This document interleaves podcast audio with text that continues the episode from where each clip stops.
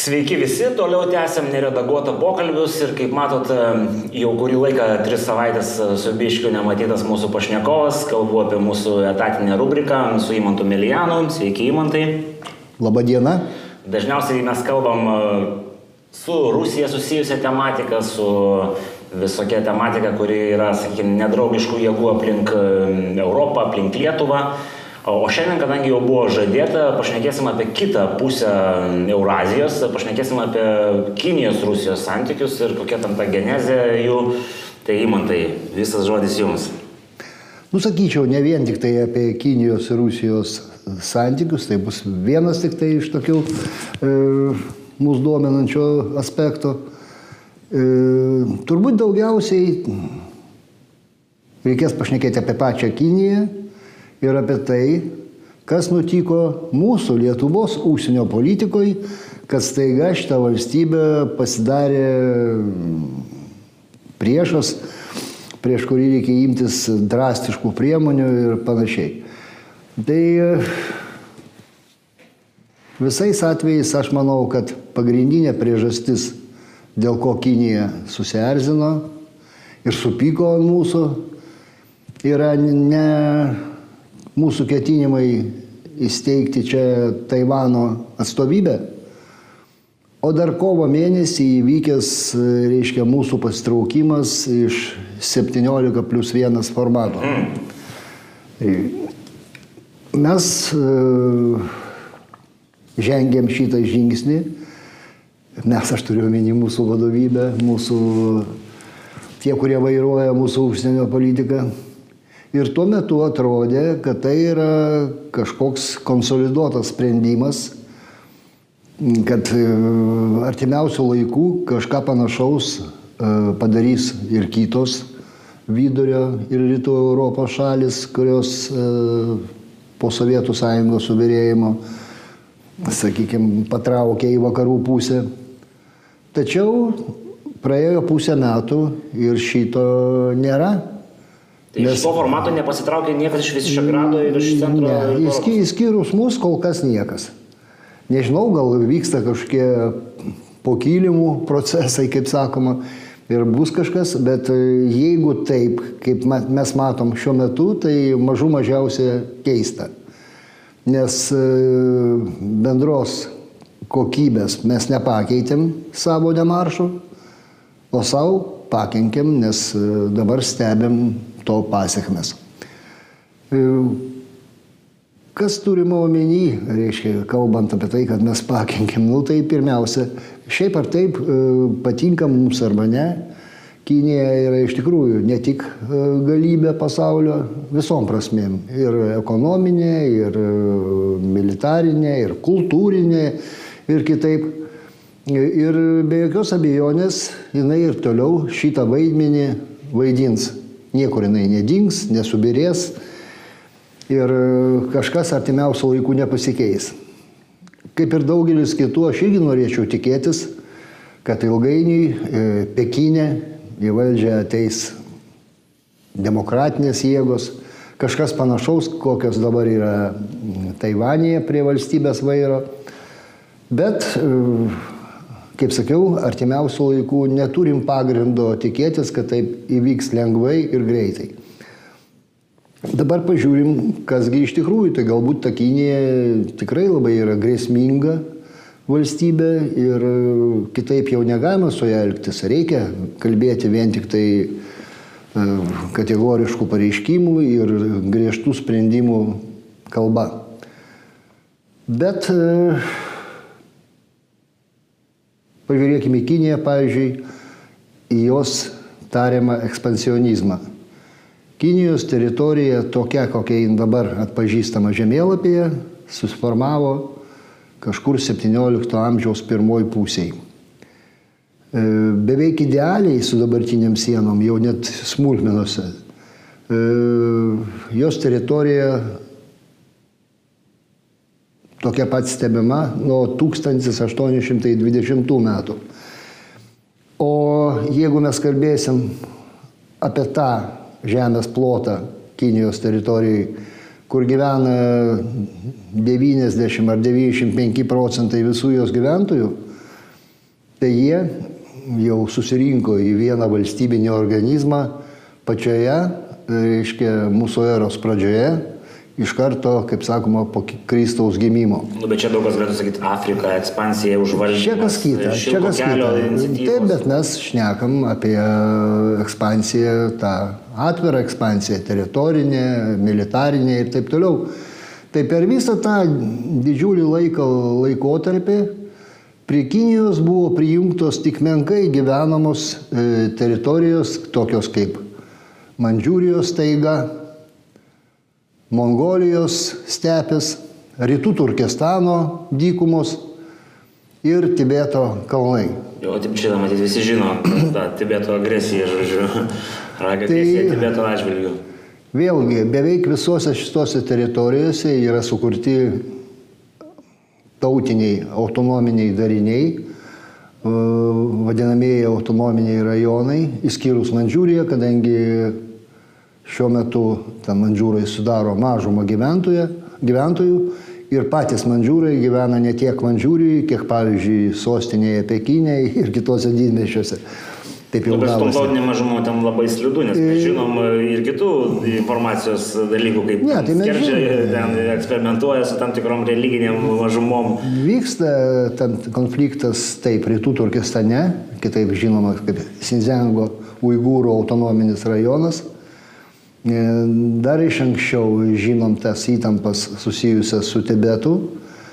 Bet bet kuriuo atveju e, šitie dariniai egzistuoja Žinoma, jie galbūt kitaip atrodytų, jeigu tai būtų demokratinė valstybė, vakarietiško tipo, bet, kaip mes žinom, Kinija valdo komunistų partijai, ten visai taip idealiai būti negali, tačiau skirtingai daleiskim nuo tos pačios Rusijos, kur nuo pat Sovietų sąjungos įkūrimo e, tautiniai, teritoriniai dariniai, dariniai, ar jie vadintųsi sąjunginės respublikos, ar autonominės, ar autonominės rytis, ar autonominės apygardos, jie buvo be perstojo. E, kuriami nauji, naikinami kiti, keičiamos jų sienos ir panašiai.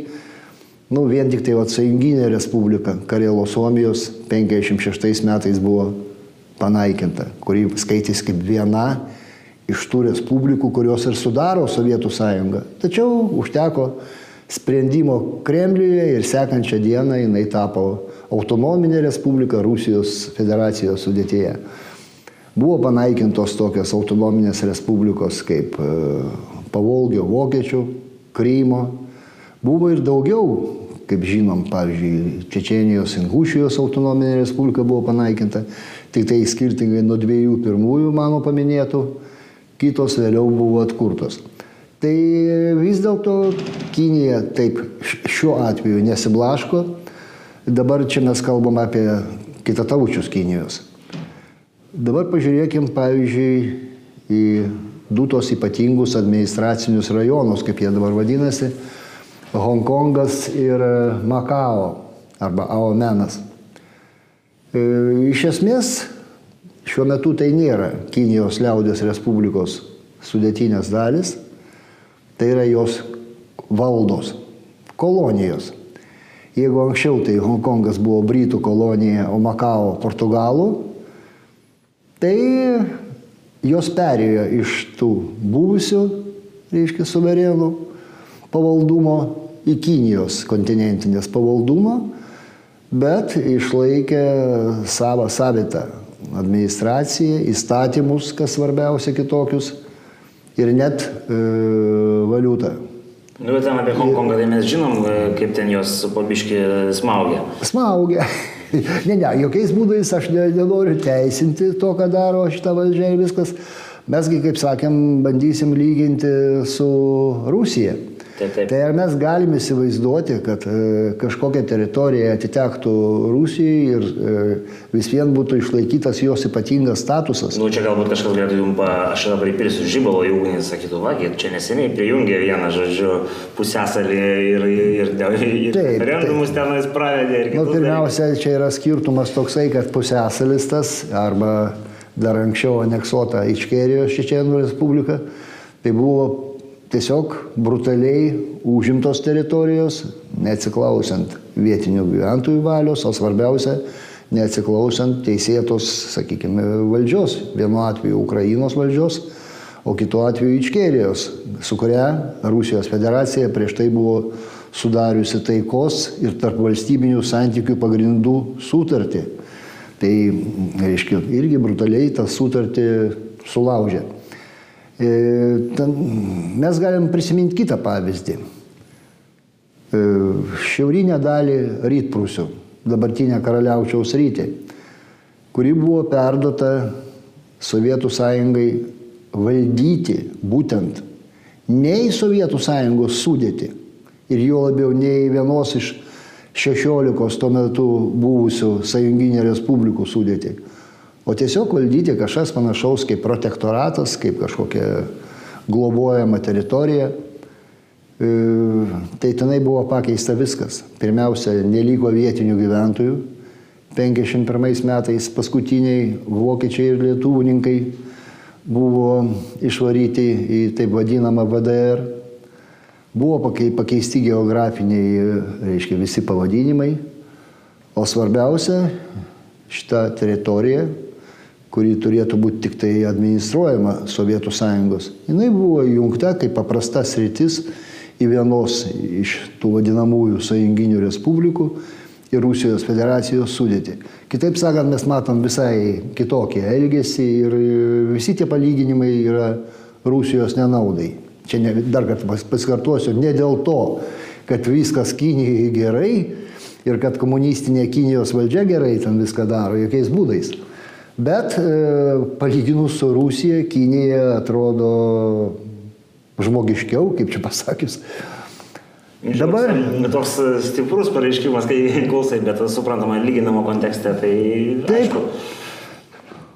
Taip, čia mesgi lyginam ne, ne su Junktinė karalystė, ne su Vokietija ir ne su Japonija, o žinia su kuo. Dabar paprastai prikišama, kad e, pastaraisiais metais, dabar jau galima sakyti net ir dešimtmečiais, jau kažkur virš 20 metų. E, labai paspartėjo Kinijos kariuomenės modernizavimas. Jinai iš esmės tapo antrą pasaulio pagal galę savo kariuomenę po Junktinių Amerikos valstijų ginkluotųjų pajėgų. Bet vėlgi tai galima paaiškinti. Ne vien tik tuo, kad tai yra didelė valstybė, jin turi savo ambicijų ir panašiai, Tačiau tuo, kad e, jos patirtis, e, praeidant nuo pabaigos XIX amžiaus per visą XX amžių, tai buvo nuolatinė, virtinė nuolatinių pažeminimų ir skriaudų, tame tarpe iš e, valstybių, kurios dabar priklauso mūsų, sakykime, vakarų blokui. E, juk be Hongkongo valdyto Britų ir Makao, Portugalų, e, dar buvo Cindao, vokiečių valdytas e, šiuo metu irgi kelių milijonų gyventojų miestas.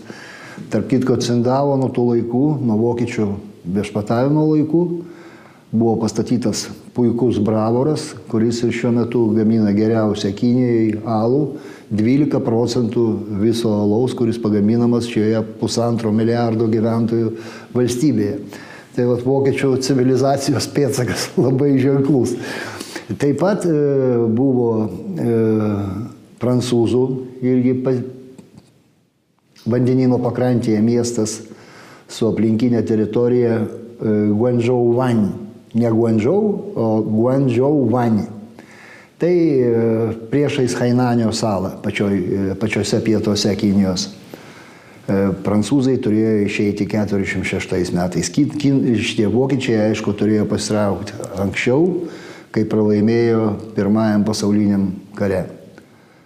Ir pagaliau net rusų Leodūno pusėsalėje, ten du miestai didžiuliai, vienas didžiulis iš tikrųjų, tai Dalian, kurį rusai vadino Dainiai, o kitas Liuišūn, rusiškai Port Artur. Šiuo metu jie susilieja tie miestai. Tai rusai išėjo iš šios teritorijos tik tai 55 metais. Nu, jie tuo metu dar tikėjosi, kad Kinija liks Maskvos politikos kilvaterėje. Žodžiu, tai čia vien tik tai tokie, sakykime, eksklavai skirtingų valstybių. O jeigu dar prisiminsim Japonų gan sėkmingą invaziją į Kiniją, pradedant nuo 31 metų, kai buvo iš esmės visa mm, teritorija arčiau vandenino esanti, Japonų okupuota ir valdyta, buvo sukurti marionetiniai valstybiniai dariniai, tokie kaip Manžau Go ir Mengu, tai vidujiniai Mongolijai, Mandžiūrijai ir vidujiniai Mongolijai. Tai visai suprantama, kad turėdami tokią patirtį, ar Kinijos vadovai būtų, ar Homindano atstovai, reiškia, kurie dabar, e, sakykime, įkūrė kaip ir antrą Kiniją Taivanėje, arba dabartinė Pekino valdžia, e, jie negali nesižvelgti tokią patirtį. Ir kaip žinom, ir patys visur kartuojam, kad kariuomenė reikalinga bent jau dažniausiai daugumai valstybių. Ne tam, kad galėtų užpulti kitus, o tam, kad būtų vykdymas atgrasimas, kad nebūtų kitiems noras kištis. O tarp kitko, ar yra vat, per 20 amžių kažkokių paminėtų, paminėtinų Kinijos agresijos e, pavyzdžių? Taip, kol kas mes minėjom tik tai, ką patyrusi yra pati Kinija iš kitų pusės, tačiau tokių pavyzdžių beveik nėra. Vienintelis, kiek rimtesnis karas įvyko 79 metais tarp Kinijos ir Vietnamo nu, turbūt įsivaizduojame ir žemėlapiai, kaip atrodo tos dvi valstybės, ir, gyven... tai ir gyventojų skaičiumi, bet ne, tai buvo karas, iš, iš abiejų pusių žuvo daugiau negu po 20 tūkstančių karių. Mhm. Reiškia, tai buvo karas intensyvus, bet jisai pakankamai greitai pasibaigė ir pasibaigė Kinijos pastraukimu. Nes Kinija negali sutelkti visos savo karinės jėgos į tą trumpą atkarpą Kinijos ir Vietnamo pasienio. O tiek, kiek galėjo, Vietnamas pakankam, pakankamai sėkmingai pasipriešino. Nors Vietnamas dar labiau atsilikęs buvo negu Kinija. Kodėl negali sutelkti? Nėra geležinkelių e, tinklo ar... Paprasčiausia, įmanoma tiek kariuomenės, tiek kiek įmanoma. Negalima į tą patį, sakykime, nu, sakyk, kvadratinį kilometrą e, ir šimtą karių talpinti, ir tūkstantį, ir dešimt tūkstančių, ir šimtą tūkstančių. Gerai, yra gerai turio, turio problema. Fiziškai, taip. Mm. Iš esmės tai yra labai panašu ir kalbant, nu, ne visai, biški blogiau, bet vis dėlto. Ir kalbant apie Rusiją, jeigu jinai, pavyzdžiui, bandytų toliau eiti į Ukrainą. Ukraina iš tikrųjų tai būtų viso valstybės organizmo pasipriešinimas invazijai Rusija galėtų sutelkti tiek, kiek gali sutelkti. Nes Rusija turi dar ir pasienį su NATO valstybėmis, ir Šiaurės vandenyną, ir tolimuosius rytus, ir vidury, vidurinė Azija, taip, ir visko mesti ir viską sutelkti prieš Ukrainą, tada be abejo laimėtų, bet to negali būti. Todėl nelaimės niekada. Dabar įskyrus šitą mano paminėtą, e, reiškia, karą, iš tikrųjų karą su Vietnamu, visa kita tai buvo incidentai. Tai buvo pasišaudimai ir su rusais, mm, ten 69 metais, ten Kazahijos teritorijos, Kinijos ir Kazahijos dabartinės pasienyje, tuo metu tai buvo Sovietų sąjunga, arba Damanskio saloje, tolimuose rytuose Atitinkami, atitinkamai labai panašus konfliktai pasikartoja periodiškai. Teritorijai, kurioje praktiškai niekas negyvena, Himalajuose, Kinijos pasienyje su Indija, pasienio negalima pavadinti, nes pasienio klausimai nesureguliuoti dar iš tų laikų, kai buvo Brytų Indija, o atitinkamai Kinija buvo valdoma Mandžiūrų dinastijos. Tai jie iki galo tų klausimų neįsprendė ir tas velkasi po šiai dienai, neįspręstas klausimas. Todėl ten periodiškai įvyksta kažkiek susišaudimai, apšaudimai, bet nei viena pusė rimtai eiti į priekį nesiruošia, čia daugiau priminimas, kad štai mes ir toliau pretenduojam į šitą tiesą kalbant niekam nereikalingą regioną. Viskas. Ir panašiai yra ir kitur, panašus tenai e, nesutarimai dėl tam tikrų salų, tiksliau ne pačių salų, o aplink jas esančių vandenų. Ypač kai gelmėse surandama ten vienų ar kitų naudingų iškasenų. Tai tokių e, yra ir su Vietnamu prieštaravimu, ir su Filipinais, ir su Japonija, bet e, apie rimtą kažkokią grėsmę karo kalbėti, nu, kol kas pagrindo nėra. Bent jau kol kas, gal, gal rytoj kažkas iš esmės pasikeis ir aš būsiu visiškai neteisus. E, pagalvokime patys. E, jau aš minėjau tas e, ypatingus administracinius rajonus, o de facto kolonijos, kurios iš europiečių atiteko Pekinui, kurios vis dėlto nėra panaikintos, jos nėra paverstos paprastom provincijom, kaip pavyzdžiui padarė. Tai čia laiko klausimas. Kaip, nu, tai to laiko jau nemažai praėjo kaip pavyzdžiui padarė Indija su buvusiam e, prancūzų ir portugalų e, kolonijom savo pakrantėje, Goa arba Pandišerį. Jos visos padarytos kaip paprasti administraciniai vienetai. Reiškia, vienais atvejais kaip valstijos, kitą kartą iš vis kaip e, teritorijos, kurios yra valdomos iš centro. Tai nedaro šito, bet svarbiausias būtent Taivanas. Jeigu jau Kinija kažkur norėtų žengti, be jokios abejonės, pirmiausia tai būtų Taivanas, nes Pekinas skaito, kad tai yra integrali Kinijos teritorijos dalis, beje, Taipėjus, Taivano sostinė, taip pat skaito, kad visa kontinentinė teritorija Kinijos irgi yra integrali Taivano dalis. jų dalis. Taip, kitaip sakant, kad tai yra dvi valdžios, kurios yra kaip minimum e, lygiai vertės savo pretenzijų prasme. Bet ne, arba paimkim tokį darinį visiškai tuščią, kaip Mongolija, užspausta tarp Kinijos ir Rusijos. Savo laiku, kol egzistavo Sovietų sąjunga, be jokios abejonės e, Mongolijos išlikimą galima buvo paaiškinti būtent tuo, kad e, abi pusės atsverdavo vieni kitų pretenzijas ir Kinija neleido suvirškinti Mongolijos rusams, kaip jie norėtų padaryti. Buvo planas Mongolijos SSR padaryti kaip dar vieną sąjunginę respubliką. Nu, Kinija atitinkamai būtų, jeigu prisijungusi, ko tuo metu dar buvo stipresnė Rusija ir to neleido, tai greičiausia ta Mongolija, vadinasi, išorinė Mongolija, būtų sujungta su vidujinės Mongolijos autonominiu rajonu į vieną vienetą. Bet vėlgi matom, kad dabargi jau Rusijos faktorius iš esmės nėra toks reikšmingas, kaip kažkada buvo. O čia, manau, kito dar daisim, žodžiu, to Rusijos, Kinijos. Tačiau, sąjunga. tačiau išlieka ir ta Mongolija, išlieka pasienyje visokie nikštukiniai butanai, Nepalai ir taip toliau, taip toliau. E, reiškia, vien tik tai atsiremdami į tą empiriką, man išvardintą, mes galim pasakyti, kad Kinija toliau niekur neina. Teritoriškai. E, jūsų minėta ten ekspansija kažkur Afrikoje. Tai, ten, ten, tai yra visai kitokio tipo. Tai yra ekonominiai interesai, tai yra noras turėti savo... Kai kas sako, kad tai ir platsdarmai kariniai yra, žodžiu, kai kurie uostai gali būti tai, panaudoti. Tai be, be jokios abejonės, bet jie vėlgi panaudoti tam, kad pademonstruoti savo galę. Kad taip, mes jau nesam pusiau kolonijinė kažkokią valstybėlę, kad ir su pusantro milijardų gyventojų, bet kurią galima stumdyti ir spardyti. Kad ne, mes esame jau rimta valstybė, kuri štai turi savo kažkokius atramos taškus ir kitose kontinentuose.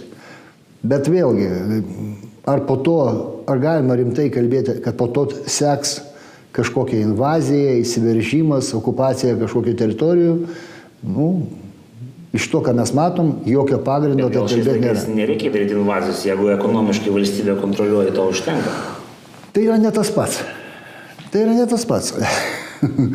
Čia kai kas e, mums priekaištauja, kad štai mes pasidavėm savo sąjungininkams ir jie mus irgi ten ir politinė įtaka daro mums, ir ekonominė viskas, nu ir daro, ir, ir gerai, kad daro galbūt. Ir pavyzdžiui, bet... Baltarusijos Kinijos atvejais, kai yra investicijos, e, žodžiu, Baltarusijos. Prieisim prie šito. Mhm. Tarp kitko, Baltarusijos investicijos Kinijos Baltarusijoje, arba kaip aš vadinu, Gudijoje, tai ar tai blogai ar gerai? Galbūt jeigu jų tiek būtų uh, Lietuvoje, tai nebūtų labai gerai. Bet Gudijoje tai buvo atsvara Rusijos įtakai. Iki tam tikro momento, nes Lukašenka viena, vienas dalykas siūsdavo tam tikrus periodiškai signalus vakarams, aš jau minėjau, kad aš esu kalės vaikas, bet aš galėčiau būti jūsų kalės vaikas. Bet, kel, Ka, bet aš kažkur girdėjau komentarą, kad, nu, kur tie signalai, iš kur Vadimantas išskaito tokią informaciją? Nu, kodėl? Nu, tai tiesiog reikia paimti chronologiškai, aš dabar paranką visko neturiu. Mm. Paimkim nuo 14, o ypatingai nuo 15 metų pradžios, kiek kartų Lukašenka sabotavo visokius bendrus pastarimus, neatvykdavo kiek jis darydavo demaršus, e, ko baisiai suerzindavo Putiną vienais ar kitais klausimais, o pats svarbiausias klausimas, jis iki paskutinio momento, kol jam dabar nėra rank, išsukinėtos rankos, sabotavo būtent tos sąjunginės sutarties pasirašymą. Bet pavyzdžiui, Rusijai, kas iš tos sąjunginės sutarties galimybė pratesti oficialiai Putino kadencijas, žodžiu, ar kažkas? Dabar jau nebe. Tai buvo aktualu iki tų rinkimų, taip, tai buvo vienas labai svarbių priežasčių, dėl ko tai buvo skubinama, nes Putinas norėjo, nu, gražiai.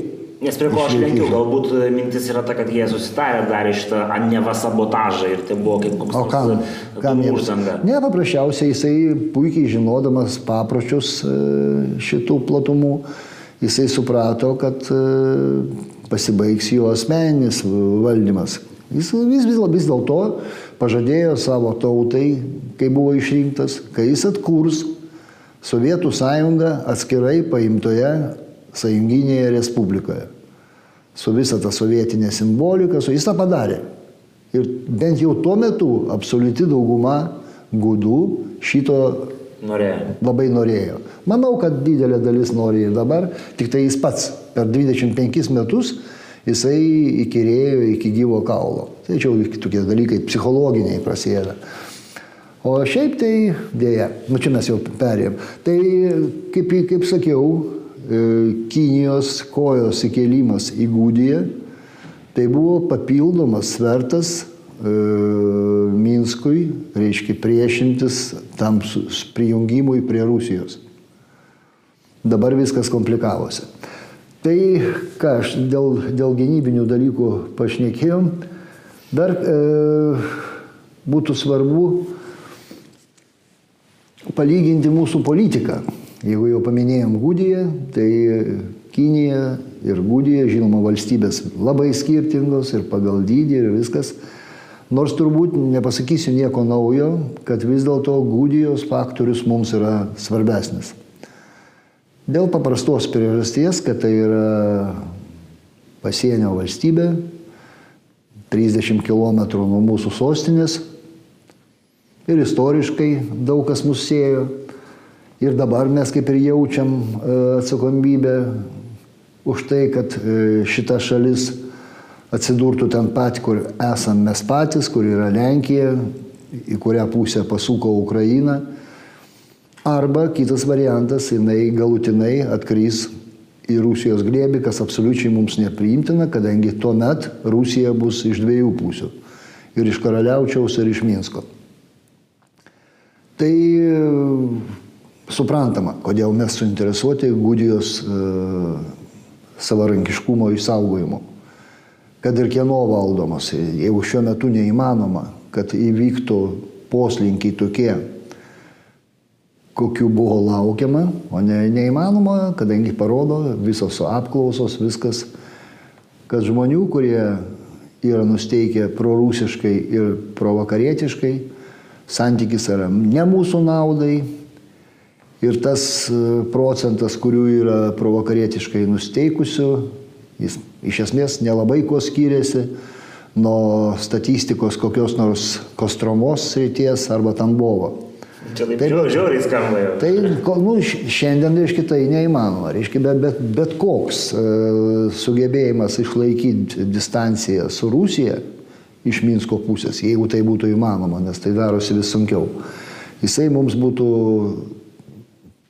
duotojų momentų, kaip ir, sakykime, priimtinesnis negu blogesni variantai. Tai e, kasgi yra bendro? E, tiksl, bendra yra mūsų iracionali užsienio politika abiejų valstybių atžvilgių. Tiek Kinijos, tiek Baltarusijos. Taip, nes e, jeigu savo, reiškia, rėmimų to visiškai neaiškaus protestinio judėjimo, kuris greičiausiai pasibaigs tuo, kad e, Lukašenka bus nuverstas ir jau neva demokratiškai išrinkta nauja valdžia pasirašys sąjunginę sutartį su Rusija. Nes kaip mes jau ankstesnių laidų metu kalbėjom, nei karto nebuvo iš tų protestinio judėjimo vadovų jokių pareiškimų, kad štai mes viską padarysim, kad nebūtų sąjunginės sutarties, mes bandysim distancijuotis nuo Rusijos, mes orientuosimės į vakarų pasaulį ir jo tarptautinės organizacijas, nieko panašaus. Bet Nebuvo. mūsų, bet mūsų valdančioji dauguma uoliai taip, gina kaip mūsų, pagrindą. Aš nežinau, ar dauguma, aš nežinau, ar... Nu, valdančioji. Taip, masė. taip. Nu, šiuo atveju bent jau aiškiausiai tai daro konkrečiai užsienio reikalų ministras,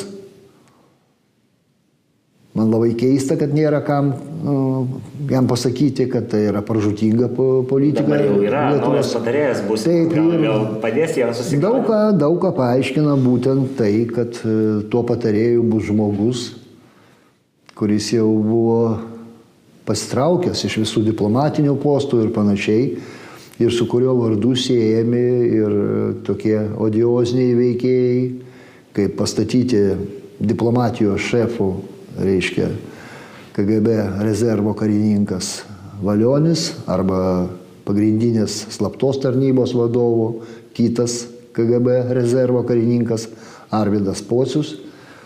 Ir mm, atrodo, tai šito turėtų pakakti, kad tokie žmonės e, būtų nepageidaujami mūsų politiniam olimpė O jo labiau niekad nesitikėjau šito iš konservatorių partijos. Dar suprasčiau, jeigu ta, tas asmuo, mes visi suprantam, apie ką mes šnekam, jeigu jisai ateitų per kokią nors darbo partiją arba per Karbauskį, nu tai sakyčiau. Arba per socdėmus. Labai. Ir, ir tai, ir tai. E, nemanau. Bet šiuo atveju, nu, mažiausiai tai buvo galima tikėtis. Bet yra kaip yra ir tada daug kas e, pradeda, jeigu neiškėti, tai bent jau mes pradedam suprasti, iš kur, iš kur visa tai atsiranda. Tokios, e, tokie sprendimai, kurie nu, sveikų protų nepakelimi. Tai lygiai panašiai ir su Kinėje. Žinoma, negalim sakyti, kad e, gadindami santykius su Pekinu mes stumėm Kiniją į Rusijos glėbį. Kinijos ypatingai nepastumdysi. Kinija turi gyventojų lygiai dešimt kartų daugiau negu Rusija. Reiškia. Rusijos ekonomika stagnuoja, reiškia, Kinijos sparčiai vystosi. Na čia man vien visas karinis potencialas, kuris gal. Karinis potencialas, galima vėl biški, nors mes jau liktai pašnekėjome apie tas karinės grėsmės Kinijai ir iš Kinijos pusės. Apie Rusiją. Taip, o dabar, būtent dabar, dabar apie Rusiją pašnekėkim. O dabar pabandykim įsivaizduoti, kad Kinai, kurie vis dėlto buvo žinomi kaip žemdirbių, o taip pat poetų ir filosofų tauta, bet ne karių, kurios nežiūrint e, šitos e, šalies didžiulės teritorijos, viskas užgrobdavo keliems šimtmečiams tai mongolai, tai mandžiūrai, kurių buvo panašiai kaip lietuvių. Tai klausimas, jeigu vis dėlto vienu momentu kažkoks agresyvumas, karinis agresyvumas iš Kinijos pusės kaimynų atžvilgių atsirastų, tai prieš ką pabandykime įsivaizduoti įsilietų. eiti tenai, kur tirštai gyvena kitos vietinės tautos, kad ir tas pats Vietnamas arba Mianmaras koksai.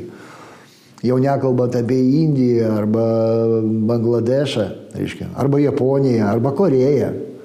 Nesvarbu, dvi Korejos, ar bus susivienijusi tuo metu, ar kaip. Tai tikrai ne, nes tenai labai sunku bus kažką pasiekti ir labai daug pareikalaus ir kraujo, ir sąnaudų, ir visko.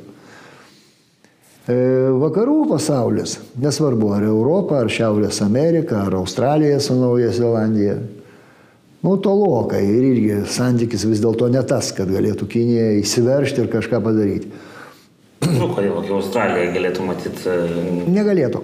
Negalėtų. Negalėtų. Per, per didelį. Per, savo dabartinio jūrų laivyno visą. per didelį atstumai, nu, nepamirškim, kad yra pratesimas NATO, Anzius, kuris sudaro Junktinės Amerikos valstijos, Australija ir Naujoji Zelandija. Tai per, per Amerikos faktorių tai yra pratesimas to pačio NATO bloko. Tai iš esmės būtų karas su visų išsivyščiusių, turtingų, kariškai ir visom kitom prasmėm pažengusių vakarų pasaulio. Nu, O ne Australija. Klausimas ten, ar be Amerikos kažkas ateitų, ateitų pagalbą. niekur dėtumės. Jau tektų, pradėtų veikti tam tikrai straipsniai. Nu, yra čia tokių Tai- teoretikų, kurie abejoja tų straipsnių veikimu. Nu, čia abe, abejoja, tie, yra. abejoja tie, kurie labai nori, kad tai būtų, kad tai nesuveiktų ir kad e, suveiks. Tai e, šiuo atveju vienintelė pusė ir į kur Kinija gali eiti, ten, kur labai daug iš tikrųjų visokių gelmių turtų ir labai mažai gyventojų. Rusija. Rusijos talimieji rytai, Sibiras, iš esmės teritorija beveik iki Uralo, iki Šiaurės vandenino.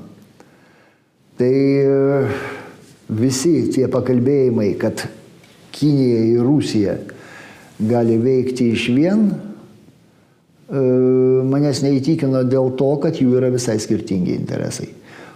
Tas veikimas iš vien gali būti tik tai e, ta prasme, kad Rusija bus visiškai pavaldi, visiškai subordinuota Kinijai ir jos vykdomai politikai. Bet turint omeny e, Rusijos ambicijas, savigarbą, buvo Taip, o, bet kadangi Rusija save įsivaizduoja kažkuo, ko jinai nėra iš tikrųjų, tai tas sunkiai tikėtina ir visiškai netikėtina, kad rusiškų žaidimus kokio nors Putino ar kito neužaugos pradėtų žaisti Kinėje. Nu, tiesiog nerimta.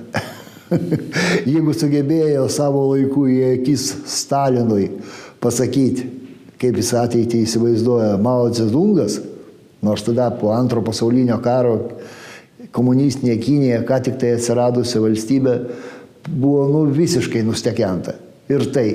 Tai šiuo metu nu, tiesiog taip, e, net nėra ką lyginti, ką sakyti. Kitaip sakant, jeigu kažkas ir bus, karinis susidūrimas su kažkuo, tai Kinijos susidūrimas rimtas, net netokie susišaudimai kaip su Indija tenai vyksta Himalajose.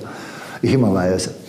Tai tik tai vienintelė valstybė turėtų drebėti, tai Rusija. Tai, tai, tai va čia yra argumentas, kad galbūt per šitą faktorių Rusija gali rasti bendrą kalbą su Amerika, nes ir vienai, ir kitai Kinijai yra grėsmė. Tai vėlgi, žinoma, Amerika ir jį su Kinėje, tada, kada norės, sustars. Jau buvo ne vieną kartą taip.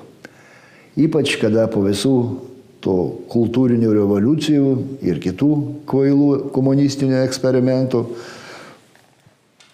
vienu iš Kinijos lyderių tapo tikrai protingas žmogus, Den Xiaopinas. Ir jis pradėjo tai, kas atvedė į dabartinę kokybę. O tai vis dėlto labai dideli pasiekimai.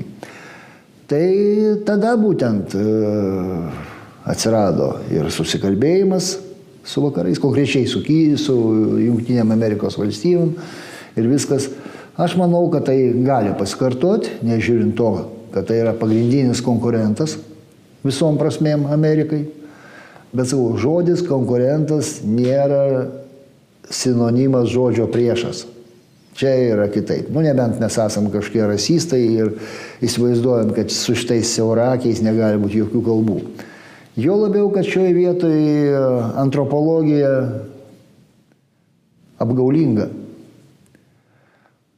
Kinai e, pagal savo mentalitetą, pagal savo nacionalinį charakterį yra žmonės e, mąstantis, darbštus ir ta prasme racionalūs. Nu, žinoma, tai nėra visai anglosaksai. Bet e, tas mentalitetas turėtų būti mums, vakariečiams, labiau atpažįstamas negu rusiškas mentalitetas, absoliučiai iracionalus. Dėl ko aš sakau, kad antropologija šiuo atveju yra apgaulinga. Nes, Jūs manote, kad rusiškas mentalitetas yra visiškai iracionalus? Rusai yra žymiai daugiau aziatai negu kinai. Galima net pasakyti šitaip. Ir problemų iš tenai daugiausia gali būti. Štai čia mes ir ateinam prie to pagrindinio klausimo.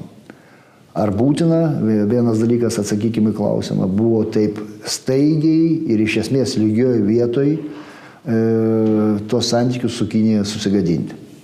Nes apie Gudį jau ankstesnių laidų metu esam nemažai pašnekėję. Manau, kad tai niekaip nepaaiškinama, kadangi, kaip minėjau, galima būtų šitą dalyką pateisinti tik vienu atveju. Jeigu kažką pradėtų staigiai, ne taip kaip visą laiką, bet staigiai kažką į blogąją pusę pasikeistų. Pekino elgesy, sakykime, tarptautinėje arenoje. Ir jau, kaip minėjau, būtų konsoliduota nuomonė, daleiskim NATO šalių, ten ES šalių, kad štai dabar irgi priimsim tokius sprendimus, bet solidariai visi jų laikysimės. Kas Europoje dažniausiai sunkiai Taip, įgyvendinama. o kada mes vieni kaip e, į dilgelę šokam, nu tai, tai neduoda jokio efekto bendram, reiškia, rezultatui. Nu, Gabrielis O- prieštarautų, sakytų, va, man paskambino Blinkenas, man paskambino kitas, žodžiu, trečias, e, jie išreiškė e, džiaugsmą. Tai, nu tai čia per mažai. Gal mes turim biškai galvoti savo protų prie visos pagarbos mūsų pagrindiniams sąjungininkams, bet yra galbūt ir turėtų būti pragmatinis, autentiškas savo nacionalinių interesų suvokimas, o ne kaip kokie maži vaikai, ten kažkas pagyrė ar nepagyrė, tai vėlgi nepamirškim vieno dalyko. Dėl Kinijos gal mažiau, bet dėl Gudijos aš visuomet sakau, čia ne tik galim, bet ir privalom būti pagrindiniais ekspertais visų mūsų sąjungininkų tarpe, mes patys. Nes į mus taip žiūri. Čia mūsų kaiminystė, mūsų bendra istorija buvo, nu jau lietuviai atsiai, tai tikrai jau žino, ką jie daro. Nežinom, pasirodo. Darom vėl nežinką. Tai Vėl norisi priminti ekspertą, kuris grįžo, bet tiek jau to, palikim jį, žodžiu. jo. Ir vėlgi, Rusija. Jeigu mes e, vedam tokią principingą poziciją, tokią jau beatodariškai, vertybinę, reiškia, politiką Kinijos kontinentinės atžvilgių, tai iš kurios, kaip sakiau, mums jokios tiesioginės grėsmės nekyla, tai gal pradėkim nuo Rusijos, gal nut- nutraukim diplomatinius santykius. Gal net Tikhanovskai reikėjo ambasadą čia Vilniuje daryti, antrą gudišką. O pavyzdžiui, Ičkerijos Čečienų Respublikos, kur yra vyriausybės tremtyje vadovas Ahmedas Zakajevas, Londone reziduoja. O čia, pavyzdžiui, kad mes pirmi iš kitų NATO ir Europos šalių pasielgtume, būtų suprantama. Nes mes iš to, iš to paties kalėjimo esame išėję. Žinot, čia tas e, Rusijos faktorius Europoje, turint omeny, pavyzdžiui, kokią Vokietiją, atsiranda daug problemų, jeigu tu pradedi išsišokti ir, ir, ir, ir prieštarauti. Ne, tai e, kaip jūs supratote, aš čia jokiais būdais e, neveiksmų planą dėstau. Tiesiog e, palyginimui, kad jeigu mes jau tiek tenai užsikirtom, kad štai tas netinka, tas netinka, o dabar Facebook'e ponas e, Laurinavičius parašė, kad štai kodėl iki šiol veikia prie Vilniaus universiteto Konfucijaus institutas. Nu, tas institutas šiaip yra skirtas e, kinų kalbos populiarinimui, kinų kultūros ir taip toliau. kad e, režimas Pekino gali išnaudoti tame tarpe žvalgybiniams dalykams viskas, nu, tai tiesiog stebėkim. Jeigu jis, tas institutas yra prie universiteto, vienas dalykas tai yra Vilniaus universiteto atsakomybė, antras dalykas yra pas mus tokia institucija e, kaip valstybės saugumo departamentas. Nu, jeigu, Kurį jūs šiek tiek žinot. Jeigu, taip, šiek tiek žinau. Ir jeigu ten yra iš tikrųjų kažkas labai negerai, nu, tai kirskim per nagus, jeigu yra. Bet ne, ne vien tokiam užuominom, kad va štai galėtų galbūt, reiškia. E, šiaip tų institutų visam pasauliui yra, aš dabar skaičiaus neprisimenu, bet atrodo virš 200 įkurta. Taip, kai kur kažkas tenai išlindo, kažkas buvo negerai ir kai kurie neaplamai kaip tokie, o būtent konkretus vienam ar kitam mieste vienos ar kitos valstybės, jie yra uždaryti. Bet jeigu mes įsivaizduojam, kad tai yra tame prieš priešą Kinijos ir vakarų pasaulio, tai ne visai taip. Nes pavyzdžiui, iš Rusijų atidarytų 20 e, Konfucijaus institutų Putino valdžia uždarė 8. Kodėl ne visus? Tai vėlgi ten kažkas, bet pats faktas, nu, čia atsakymas tiems, kas vaizduoja, nu jau tenai Rusija su Kinija, tai jie eina iš vien. Ne iš vien. Gal proporcijos net ir didesnės tų prieštaravimų. Tai kas e, galiausiai, kokias išvados prašosi? Be jokios abejonės e, padarius tai, kas padaryta, daleiskim, Kinijos atžvilgių, dabar taip e, lengvai atgal tikrai į tą 17 plus 1 Lietuva neįstos. Nu, gal ir be to galima kažkaip tai. Taip, gauti. eina kalba, kad tiesiog, nu, gal turėtų vienas dalykas dirbti savo darbą politikai, iš tie diplomatai, kurie patys nepriima sprendimų, bet kurie turi mokėti, įvinioti, kad atrodytų kaip saldainiukai, bet, bet kokias, pačias neskaniausias piliulės. Nu, iš kitos pusės be jokios abejonės e, vairininkai mūsų užsienio politikos neturėtų daryti tokių staigių judesių, jeigu neįsivaizduojama, kokias bus pasiekmes jų, arba atvirkščiai, jeigu įsivaizduojama, tada visai nesuprantama. Nu, tai būna, mes išgirstam, kad 1 procento BVP pokytis, tai čia nedidelis praradimas Lietuvai. Tarsi, kai tai yra, pavyzdžiui, palyginimui pusė kariuomenės biudžeto, bet e, yra sugebama tai pasakyti. O, o kam iš viso to reikia? Taip. Kam ir to 1 procento? Mums reikia e, galvoti, kad kiekvieną kartą tą procentą kažkur pridėti, pridėti jo, neatimti. Ne Taip, Tai būtų pagrindinis dalykas. O jeigu tas mūsų palyginimas su Gudijos situacija, tai tenai viskas jau blogiau, nes šiuo metu susidarė tokia situacija, kad e, valdantysis režimas išsigandęs to mūsų nesupratimo, mūsų tai turiu omeny vakarų, kas vyksta realiai, Ir jeigu jisai gan arogantiškai, aš kalbu apie Lukašenką, ilgą laiką priešinosi Putinui, tai šiuo metu mes matom, kad jis yra, kad jis palūžo.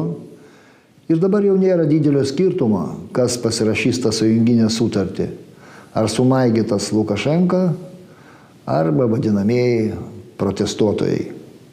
Bet kuriuo atveju jėgų, kurios galėtų išvesti Gudiją į NATO, į Europos Sąjungą, ir ištraukti jos iš to nelemto Rusijos glėbio, būtent jėgų, o ne atskirų žmonių. Tokių jėgų dar Gudijoje nėra. O toks e, dramatiškas dalykas, ypatingai visiems mūsų e, hipsterių burbulo atstovam, kurie galvoja, kad kažkas keičiasi. Yra dar vienas vat, klausimas, kuris čia yra galbūt į temą, kad nepabaigtume tokią niurę gaidą mūsų regionui svarbia, žodžiu, kokie Rusijos ir Kinijos žaidimai nusimato Afganistane? Yra tos klausimas, bet kadangi žinom, kad nu, pasikeitė jėgų balansas, ar, ar jums atrodo, kad Rusija ir Kinija galėtų kažkaip tai tą žaidimą politinį perimti? Aš manau, kad čia vėlgi, kaip ir kitais klausimais, tai yra kaip minimum konkurentai. E, Rusija bandys Vienas dalykas - gazdindama talybais stiprinti savo pozicijas e, buvusiose Vidurinės Azijos respublikose, dabar nepriklausomose valstybėse. Tai pirmiausia Tadžikijai, Uzbekijai, Turkmenijai, Kirgizijai, gal mažiau šiek tiek Kazahijai. O Kinijos interesas, Kinija, kad ir nedaug, bet turi pasienį su Afganistanu, neleisti Rusijai taip įsitvirtinti. Čia panašiai Mongolijos scenarijus. Pa, panašiai gal čia biški daugiau tas periferinis e, regionas Kinijai, bet vis vien jų interesai, jie visai nesuinteresuoti, kad tenai įtvirtintų uh, vidurinėje Azijoje vienas dalykas, rusai, kad neįtvirtintų gautinai. O kitas dalykas, kad per tą flirtavimą su Talibanu iš esmės rusų įtaka atsirastų ir Kabule. Žinoma, Kinija turi savo matymą, kaip turėtų vystytis situacija. Aš manau, su tais pačiais talybais irgi kažkokie kontaktai vis, vyksta, nes nuo seno egzistuoja tam tikras alijansas nukreiptas prieš Indiją, Kinijos ar Pakistano. Tai vėlgi iš to taško žiūrint, vėlgi Kinijai niekaip nenaudingas režimas, kuris būtų jai priešiškas, o kad jis būtų tiek pat e, prorusiškas ir prokiniškas, tai yra neįmanoma. Tęsiant dar šitą temą, matau, kad dar vienas klausimas yra iš tos serijos. Sklinda gandai, kad talibai perdavė Kabulo oro uostos kontrolę turkams, kad dabar bus stabili valdžia, nors tai ir nedemokratinė, o Amerika pradės investicijas į lyčio kasybą. Čia labai nesusiję, bet galbūt dėl, dėl, dėl Kabulo oro uosto gal kažką girdėjote, ar turkai, kadangi čia irgi viena iš mėgstamų jūsų temų. Nu, dėdėje nelabai ne galiu pakomentuoti, okay, nes tai, neturiu informacijos. Tai paliekam tada atskirom temom, čia sakoma, prie Turkijos vis tiek anksčiau ar vėliau grįšim dar. Tai ką įmontai, tai manau, kad užtenka, kaip tik vat, artėjom prie valandos, tai neapkraunam, žodžiu, klausytojo ir žiūrovo. Tai dėkui, kad nepabėgot nuo mūsų ir lankotės. Nors kartais jūs ir užsipuola Facebook'e kai kurie mūsų sekėjai, bet, nu, išlaiky, išlikim diplomatiškai. Ir, ir, aš, ir aš užsipuolu sekėjus. Jo, jo, mes šitą irgi žinom, tai visi negali priimti, įmantas yra pas mus tokia prieštaringa figūra, bet mes tikrai girdim ir tos išvalgos, kurios ateina iš buvusio VSD pareigūnų, jis jos yra neįkainojamos, tasme, tokių, tokių lobių daug nėra. Tai, tai dėkui visiems, kurie žiūrit, nepamirškit mūsų Patreon'e, Facebook'e, YouTube'e ir iki kitų kartų.